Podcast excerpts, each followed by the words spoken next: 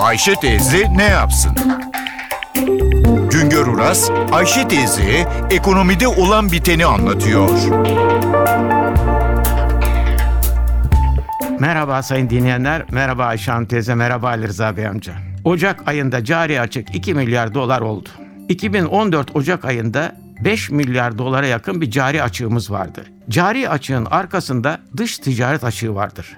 İhracat artar, ithalat azalırsa dış ticaret açığı da küçülür. Dış ticaret açığının küçülmesinin rüzgarında da cari açıkta azalma görülür.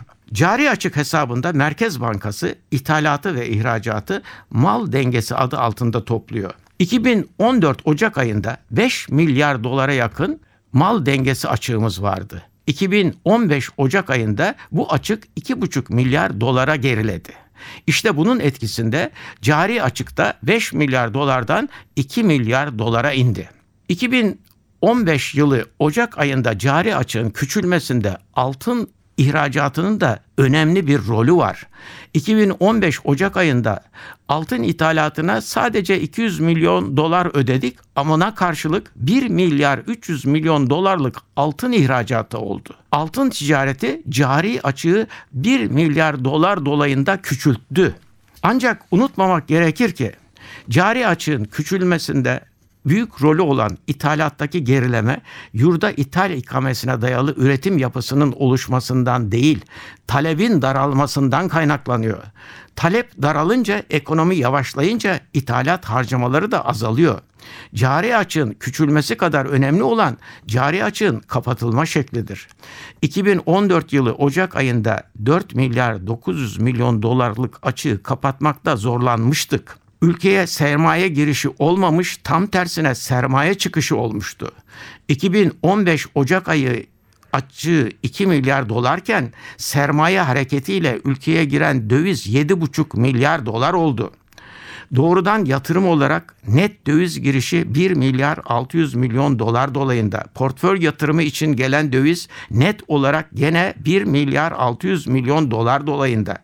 Buna ek olarak kredi olarak getirilen döviz net 4 milyar 300 milyon dolar oldu. 2015 Ocak ayında nereye gittiği belli olmayan 1,5 milyar dolarlık bir de döviz çıkışımız var. Geçen yılın Aralık ayında cari açığı kapatmak için ülkeye giren dövizde önemli azalmalar olmuştu. 2015 yılına işte bu kötü tablo ile girdiğimiz için Ocak ayında cari açık rakamını aşan ölçüde döviz girişinin olması önem taşıyor. Cari açığın küçülmesi, cari açığı kapatacak ölçüde döviz girişi olması önemlidir ama cari açığın nasıl küçüldüğü de önemlidir. Cari açık Ocak ayında ihracat çok arttığı için küçülmedi. Tersine ihracatta gerileme var. Cari açık daha önce ithal edilen malları içeride ürettiğimiz için küçülmedi. Tersine cari açıkta ithalat tekrar büyük ölçüde etkili oluyor. Cari açık iç talepteki daralma nedeniyle azaldı. İşte bu iç talepteki daralma ithalatı da küçültüyor. İş talep ve ihracat talebi küçülünce cari açık küçülüyor ama üretim artışı duruyor. Büyüme yavaşlıyor. Açık anlatımıyla cari açığı küçültmenin faturası da ağır oluyor. Bir başka söyleşi de birlikte olmak ümidiyle şen ve esen kalınız sayın dinleyenler. Güngör Uras'a sormak istediklerinizi ntvradio.com.tr adresine yazabilirsiniz.